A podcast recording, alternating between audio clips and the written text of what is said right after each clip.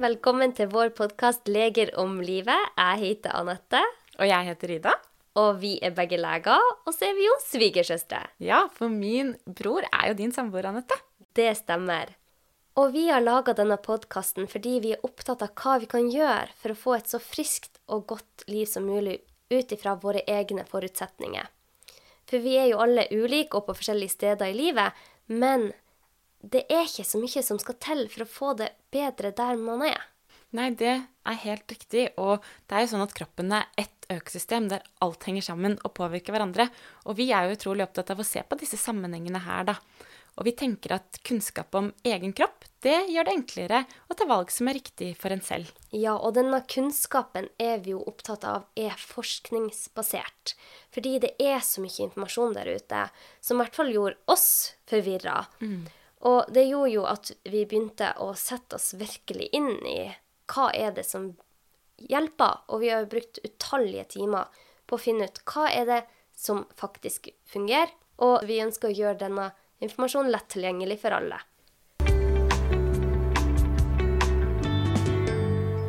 Men før vi skal snakke om dagens tema, så er jeg jo veldig interessert i hvordan gikk eh, forrige ukes utfordring? Du skulle jo ha på deg de sånn eh, veldig fine røde brillene som blokkerer det blå LED-lyset på kvelden. Ja, den Altså, det gikk eh, veldig fint. Jeg fikk utrolig god effekt, faktisk. Jeg følte meg trøtt allerede klokken ti. Og det er uvanlig for meg. Ja. Så det her hadde absolutt effekt. Så du gikk og la deg tidligere? Jeg tror jeg gikk og la meg Jeg vil jo aldri gå og legge meg da når jeg er B-menneske, men jeg gikk og la meg før. Herregud, så bra! Jeg, vet hva, jeg må si det. Jeg syns du var veldig sporty. Jeg har flirt meg i hjel hver gang du har lagt ut. Ja. et bilde på Instagram. Ah, ja, ja, jeg tenkte sånn Ja, nå, nå, er det bare å kjøre på, altså. Ja, Så kanskje du òg blir en av eh, oss andre som bruker det hver kveld? Ja, ja, det, du skal ikke se bort fra det. Det var hyggelig å høre. Mm. Men ja, så bra. Ok, Men nå skal vi gå inn på dagens tema. I dag så skal vi jo snakke om noe som er veldig relevant for hvordan man har det. Mm. Og det er jo noe WHO, Verdens helseorganisasjon, har omtalt som en verdensepidemi. Og én av tre opplevde daglig. Mm. For i dag så skal vi snakke om stress. Ja. Og stress er jo Vi vet jo alle hva det er. Vi opplever det jo for det meste nesten daglig. Ja, ja. Men det er mye spennende med stress. Fordi at eh, vi kan håndtere det på en god måte sånn at det ikke påvirker oss på en negativ måte. Mm. Og derfor tenkte jeg i dag så skal vi gå inn på hvordan påvirker stress immunforsvaret vårt? Kan stress faktisk krympe hjernen din? Og finnes det virkelig teknikker som gjør at du kan redusere stresshormonene dine i løpet av bare noen få minutter? Det skal vi gå inn på i dag. Og jeg kan jo starte med å kort forklare hva stress er.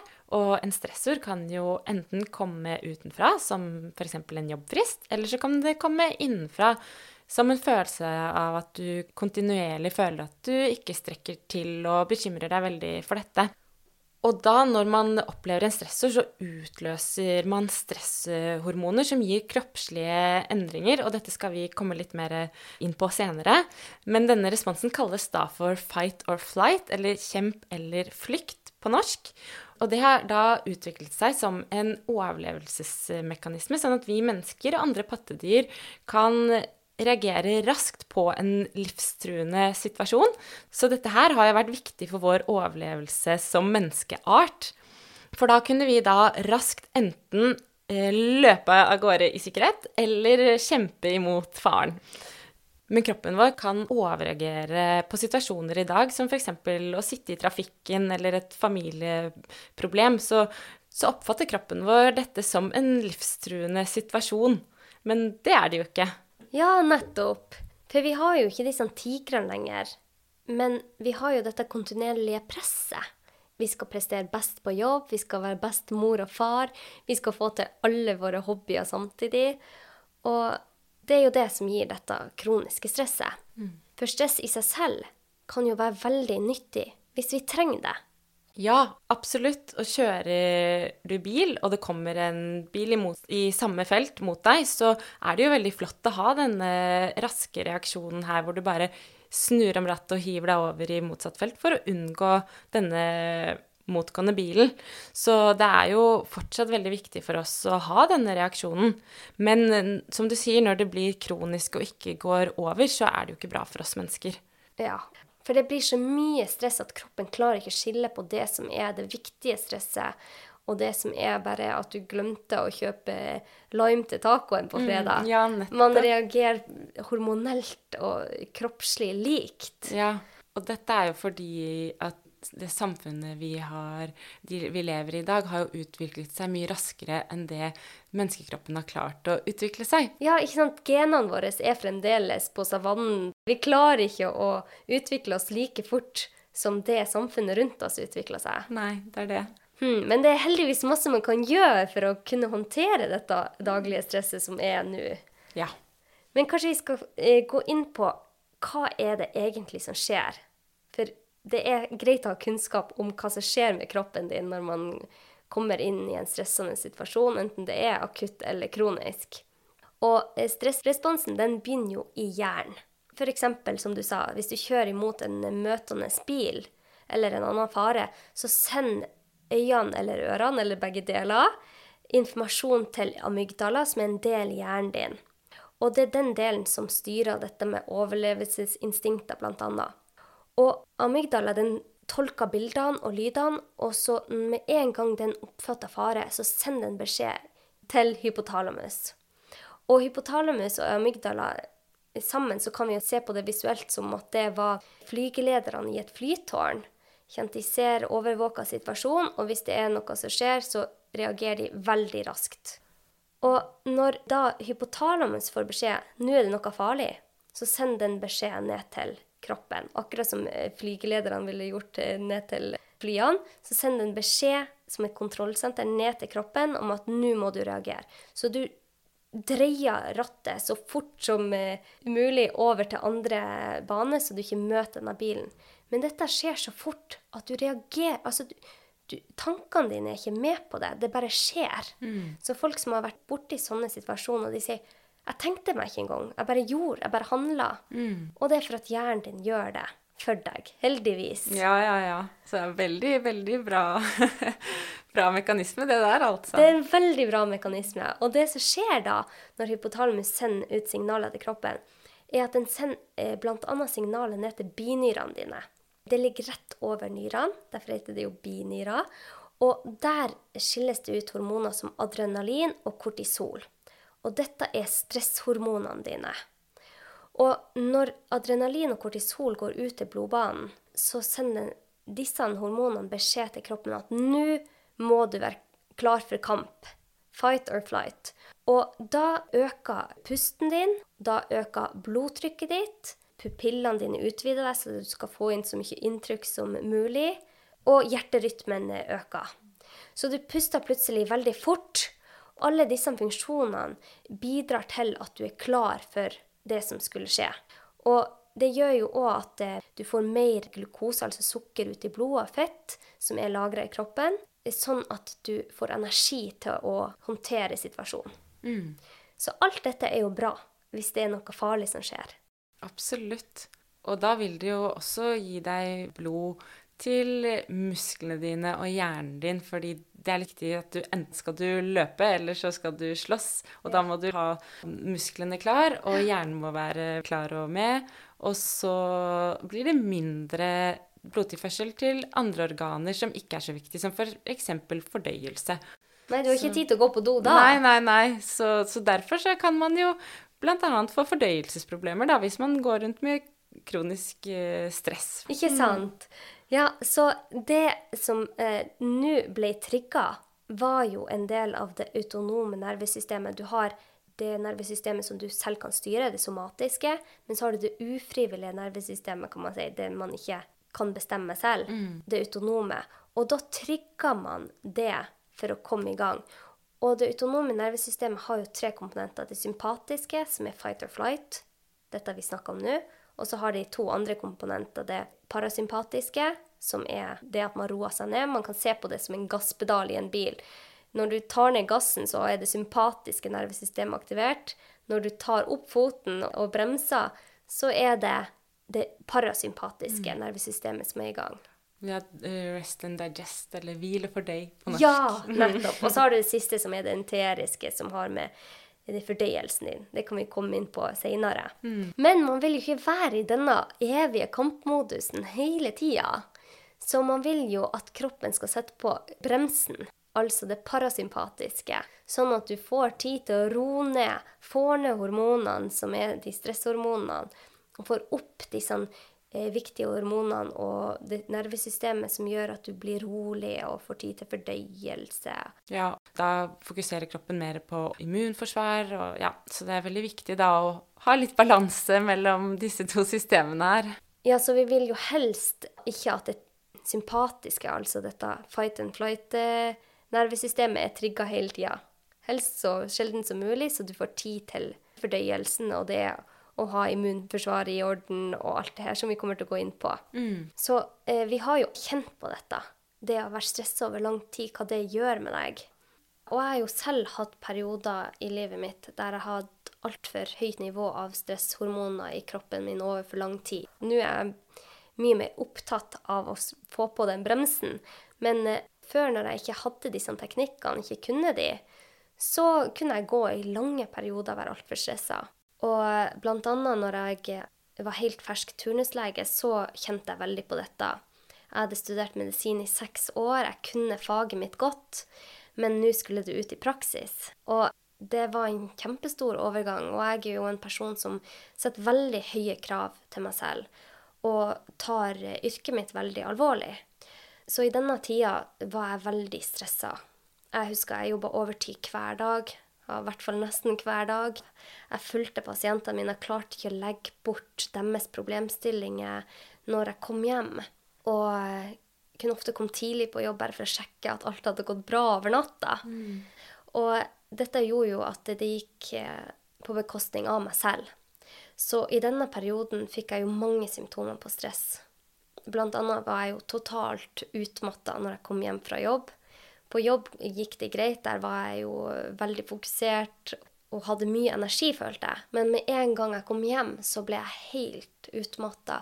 Og jeg kunne gjerne legge meg klokka seks på kvelden og sove til neste dag. Men så hadde jeg òg perioder der jeg ikke fikk til å sove, for jeg lå og kverna og tenkte på hvordan går det med Gerd, ikke sant, som ligger på intensivavdelinga, eller om Petter som hadde fått en alvorlig diagnose. Så jeg gikk eh, mellom det å sove døgnet rundt nesten når jeg hadde fri, og til å ikke klare å sove. Og så var jeg jo også konstant forstoppa. Vi har jo akkurat snakka om dette, at man, kroppen prioriterer jo ikke akkurat fordøyelsen når man har for mye stress Nei. i kroppen. Og jeg mista jo matlysta. Det er jo 40% som mister matlysta når man er stressa, og 40% øker matlysten. Så der er vi delt i to grupper. Så jeg skulle ønske jeg hadde de teknikkene jeg har i dag, for å hjelpe meg gjennom den perioden. For jeg, i den perioden ble jeg jo mye oftere syk, blant annet. Og nå vet vi jo det at eh, det å gå med kronisk stress gjør deg oftere syk og mer mottakelig for sykdom. Ja, Absolutt. Og ja, jeg kjenner meg også veldig igjen i det du beskriver der. Vi må prøve å, å lære oss teknikker da, som kan hjelpe oss, fordi man har det jo ikke noe særlig ålreit når, når man har det sånn som det. Nei, nei, de teknikkene er kjempeviktige. Og eh, siden jeg hadde en sånn periode, så lærte det jo meg at jeg er nødt til å finne måter for å håndtere det på. Som igjen førte til positive ringvirkninger for mitt liv, for jeg lærte meg teknikker. Jeg leste studier på hva som faktisk fungerer. Og disse teknikkene har jeg jo jobba masse med mine pasienter igjen. Når de kommer inn og har samme plager som jeg hadde, så lærer jeg de videre. Så det har jo vært positive ringvirkninger av det òg. Absolutt. Men eh, derfor tenker vi at det er veldig viktig å ha en eh, episode om stress, så vi lærer oss de teknikkene. Ja. Men før det, kanskje vi skal gå inn på hva er det stress kan gjøre med deg? ja. Først kan jeg bare fortelle raskt hvordan det funker med hjernen og andre kroppslige funksjoner. Og for eksempel hvis vi tenker på en muskel, da, og du bruker en muskel mye, så vil jo den her bli sterkere. Og hvis du ikke bruker muskel, så vil den bli svakere. Og dette er jo litt grovt forklart, men vi kan jo bruke dette som en sammenligning for å tenke på hjernen også. Så hvis du bruker én del av hjernen mye, så er det den som blir eh, aktiv, mens andre deler av hjernen blir mindre aktive. Og det har man jo sett i stress, der den primitive delen av hjernen er mer påskrudd, mens de delene av hjernen som er mer avanserte, blir mindre prioritert. Sånn at uh, man har jo faktisk sett at uh, kronisk stress kan uh, krympe hjernen din og koble den på nytt. Og dette kan da påvirke områder som pannelappen, som ligger rett bak eh, pannen vår. Og dette området har da ansvar for våre kognitive evner som problemløsning, planlegging, gjennomføring av oppgaver og regulering av atferd. Og i tillegg så kan det påvirke en annen del av hjernen som har en viktig rolle for læring og hukommelse. Så det er jo veldig interessant da, at uh, stress kan påvirke hjernen vår i så stor grad. Og det er jo viktige funksjoner uh, for oss mennesker, men når vi da er i konstant uh, fryktmodus, så klarer jo ikke vi å få tilgang til de delene av hjernen som hjelper oss med alle disse funksjonene. Nei. Så da blir vi jo litt mer sånn primitive ja. i reaksjonene våre, da. Ja, så, så det du sier, er at stress rett og slett kan krympe kjempe del av hjernen. Mm. Det er helt vanvittig. Mm, det er det. Da skjønner man jo litt hvorfor man blir så glømsk og så utålmodig. Mm. Man klarer jo ikke å tenke rasjonelt Nei. når man er så stressa. Men det er ikke bare hjernen vår som påvirkes av stress. Det påvirker også reproduksjonen vår, og det reduserer bl.a. sexlysten vår. Mm. Det er jo bl.a. linket til uregelmessig smertefull menstruasjon, og dette har jeg selv erfart i perioder. Og menn de kan få problemer med impotens og sædproduksjonen sin. Ja, og når du sier det, så har det jo nylig vært en eh, studie som har vært utført ved Århus universitet i Danmark, på at stress minsker faktisk sjansen for å bli gravid. Mm. Og der tok de 800 kvinner da i en undersøkelse hvor de skulle få eh, kunstig befruktning. Og de kvinnene som ikke ble gravid, hadde langt flere stressende hendelser i livet sammenligna med de som ble gravid under en slik behandling. Mm, ja, tenk. Og jeg har jo hatt eh, mange pasienter som har slitt med fertilitetsproblemer, og har jobba tett med de. Fordi fertilitetsproblemer det er en veldig sår og vanskelig problemstilling. Som ofte er sammensatt og multifaktoriell. Det kan være veldig mange årsaker til at man har fertilitetsproblemer. Men jeg tenker i hvert fall at eh, Og jeg har sett at det har vært fint med mine pasienter at vi ser på flere faktorer som kan spille inn. Ja, og da er det jo interessant med denne undersøkelsen. Mm, ja, for det er jo en av disse nye undersøkelsene som viser andre faktorer som kan spille inn, som man kanskje ikke har tenkt på før. Nettopp. Og andre problemstillinger stress er linket til, er økt risiko for hjerte-karsykdommer og psykiske lidelser som depresjon og angst. Og det kan også være med å redusere immunforsvaret vårt. Og eh, man ser jo òg Jeg har jo jobba som lege på hudavdelinga de siste årene. Og det får jo faktisk sår til å gro saktere. En studie som er så liten at den er jo ikke signifikant, men som jeg syns var interessant, det var en studie de utførte på elleve tannlegestudenter i USA. Der de tok en biopsi, en prøve fra GAN på alle elleve under eksamensperiode. Så tok de samme prøve da, det er en sånn to millimeter eh, prøve, når de hadde sommerferie. Og så så de på hvor lang tid det tok for såret å gro. Og på alle elleve tok det mye lengre tid å få såret til å gro under eksamensperioden enn når det var sommerferie. De fant faktisk ut at grotida ble forlenga med hele 40 Ja, tenk. og det er, jo bare, det er jo bare en liten studie, selvfølgelig, mm. men Ja, det her er jo kjempeinteressant. Så, så, så bare Så burde ikke få skrubbsår i eksamensperiode, bare i sommerferien. Ja! men, men i hvert fall så er det jo sånn at når um, Altså dette med immunforsvar, så har det jo vist seg at um, stress kan svekke ikke en type tarmbakterieflora som er sentral for å ha et velfungerende immunforsvar. Ah. Sånn at det, det, spiller inn på tarmbakteriene våre også. Ja, tenk det. De tarmbakteriene de kommer inn på hvert tema vi har. Mm. OK, så da har vi vært innom mange temaer som viser hvordan stress kan være skadelig. Men vi er jo nødt til å komme til det positive her. Hva kan vi gjøre for å få dette gode og dårlige stresset til å finne At man finner en balanse her?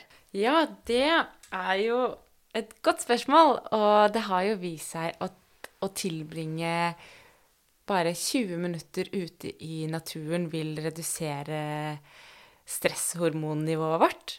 Ja, det merker jeg jo selv. Mm. Og så er det dette med også avspenningsteknikker. Um, og her kan vi også da gå inn på yoga, meditasjon og mindfulness. Det har vist seg å være veldig um, stressreduserende. Ja. Og også dyp uh, pusting. Det er nemlig sånn at hvis du puster veldig dypt ned i lungene dine, så vil du da aktivere en uh, nerve som heter vagusnerven, Ja. som går rett opp til hjernen din, som da vil faktisk roe ned og aktivere det parasympatiske, altså hvil- og fordøynervesystemet ditt. Så det å mm, kanskje lære seg noen pusteteknikker, f.eks. ta eh, og puste inn på tre sekunder, og så holder man pusten på fire sekunder, så puster man ut på fem sekunder. Så vil man roe ned dette systemet, for det har vist seg at, at en lengre utpust er aktiverende for denne nerven, da. En, altså at ha et lengre utpust enn innpust. Ja. Så si at man tar et par, et par fem sånne pust. Ja, og, Bare for å roe ned litt i løpet av dagen, eller kanskje fem minutter, hvis man har tid til det. ja, for Så- da aktiverer man vagusnerven. Hvor spennende det er. Mm. Ja, OK. Og det har jo faktisk vist seg at meditasjon eh, øker Altså de, de områdene av hjernen som kan eh, krympe når du stresser. Meditasjon har motsatt effekt. Det gjør at de delene av hjernen som er for rasjonell tenkning og problemløsning og gjennomføring av oppgaver, så den har jo en styrkende effekt på disse hjerneforbindelsene. Ja, det har jo jeg merket selv. Jeg mediterer jo daglig, og ja. Så jeg blir god på problemløsning, vet du. Jeg merka det, Ida. Du er kjempegod på problemløsning. OK. Men eh, er det noe flere eh, tips og triks for å få ned stress? Ja, så er det jo dette med søvn. Og um, mangel på søvn er jo en stressor i seg selv. Og hvis du sover dårlig, så vil du håndtere stress dårligere igjen. Så det er veldig viktig da å prøve å få nok søvn. Ja, vi har jo en egen episode om søvn, så hør den hvis man eh, Mm. vil vite litt mer om hvordan søvn fungerer. Mm. Ja, og så er det jo dette med fysisk eh, kontakt. Det er jo Eller menneskelig berøring. Ja. Det har jo vist seg at det reduserer hjertefrekvensen og blodtrykket ditt og kortisolnivået ditt, som er da dette stresshormonet, og øker immuniteten din. Så det burde man Man burde ta på hverandre. Ja, ikke sant? Ja, det er jo ikke bare den som eh, blir tatt på som får effekt, det er jo også den som tar på. Så eh, det vil jo da redusere stresshormonene hos begge. Og det som jeg syns er veldig viktig, er dette med mobil, PC og TV. Vi får så mye informasjon hele tida, hele dagen. Så det å prøve å ikke sitte altfor mye på mobilen, se heller opp når du går deg tur, eller sitter på et kontor og venter på time hos legen, f.eks. Det er bare de små pausene i hverdagen. Det har faktisk kjempeeffekt. Og hvis du i tillegg gjør de sånne pusteteknikkene som du anbefalte, Ida, så kan det ha kjempestor effekt. Sånne små endringer kan ha store effekter. Mm, absolutt. Nei, da har vi sagt mange gode Ja. tiltak som man kan gjøre. Og gjør man bare noen av disse tiltakene, bare én av de, så vil det redusere stressnivået ditt. Mm. Og en eh, siste ting eventuelt som vi kan eh, også fått med, er dette med trening, da. Ja. For det reduserer også stresshormonnivået ditt. Så å bevege seg, altså ikke bare trening, det handler om å bevege seg.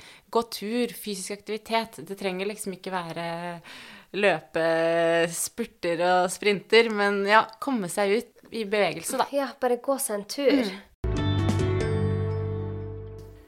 Da var vi kommet til eh, ukens utfordring, Anette.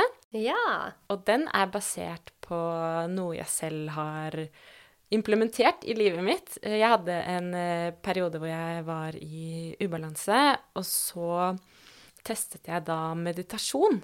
Ja. Og dette her hadde god effekt på min kropp og mitt sinn. Så jeg tenkte at du skulle prøve da å meditere 15 minutter hver dag i en uke. Ja, hver dag. Ja, og da skal du sette deg ned, og så skal du lukke øynene hvis det føles komfortabelt, og så skal du prøve å ha oppmerksomheten på din egen pust. Bare puste vanlig, men ha oppmerksomheten på pusten din. Og da kommer det jo til å komme masse tanker om hva skal jeg lage til middag, og hva skal jeg gjøre etterpå, alt det der. Men da skal du prøve da bare vennlig se at ok, nå kommer det masse tanker her, og så skal du vende oppmerksomheten tilbake igjen på pusten din. Ja. Mm, så skal vi se om du får noe effekt. Du, dette blir veldig bra for meg. Jeg har jo prøvd meditasjon mange ganger før, men jeg sliter med å være å gjøre det regelmessig. Man gjør det et par dager her og et par dager der. Eh, Men det er kjempebra for meg å ha et mål om at jeg skal gjøre det hver dag i uka. For det er jo så mye forskning som viser at det er så bra. Så dette skal jeg klare i dag. Jeg har jo fullt kjør med to små barn, og eh, alt som har med det å gjøre. Ja, det vet jeg. Det, det, det er derfor dette her blir en utfordring, vet du. Ja, det blir det virkelig. Å få tid til. Ja, det blir det virkelig. I perioder tidligere hvor jeg har meditert litt, så likte jeg å gjøre det på morgenen. Men det er jo helt umulig nå, for nå blir jeg jo vekt med et vræl klokka seks eh, til en av guttene som, har veldig, som er veldig klar for dagen. Men eh, jeg, får, eh, jeg skal finne en tid der det passer, og jeg skal gjennomføre det. Og så skal jeg komme tilbake til deg neste uke. Ja, så bra. Du får prøve å belaste Henrik litt, og så snike det inn i løpet av dagen. Ja, ja. Med litt unge ungeskrik i bakgrunnen. Eh, ja, men det, jeg skal få det til. Veldig bra utfordring. Jeg er kjempeglad for denne utfordringa. Så bra. Da gleder jeg meg til litt oppdateringer på Instagram, og til å høre hvordan det har gått etter en uke. Ja, det er bra. Så ja, men bra, Ida. Da eh, håper vi jo da at eh, stressnivået kan være litt lavere hos eh, deg og de som hører på, Ja, at og meg selv. Ja, enig. og At dere prøver på disse pusteteknikkene. Tenker på det litt eh, i løpet av dagen, f.eks. For det fungerer. Mm. Det har det i hvert fall gjort det for meg og deg. Ja. Ja, og med det så takker vi for oss i dag. ja. Og så må vi bare få med at uh, dere finner oss uh, på Instagram og Facebook under Leger om livet. Ja, og så har vi en gmail, eh, legeromlivet.gmail.com. Og der kan man sende inn anonyme spørsmål hvis det er noe man lurer på eller ønsker vi skal ta opp her i podkasten. Mm. Så håper vi dere får en stressfri dag videre. Vi ses, eh, eller høres, hver tirsdag. Det gjør vi. Ha en fin dag. Ja, ha det. Ha det.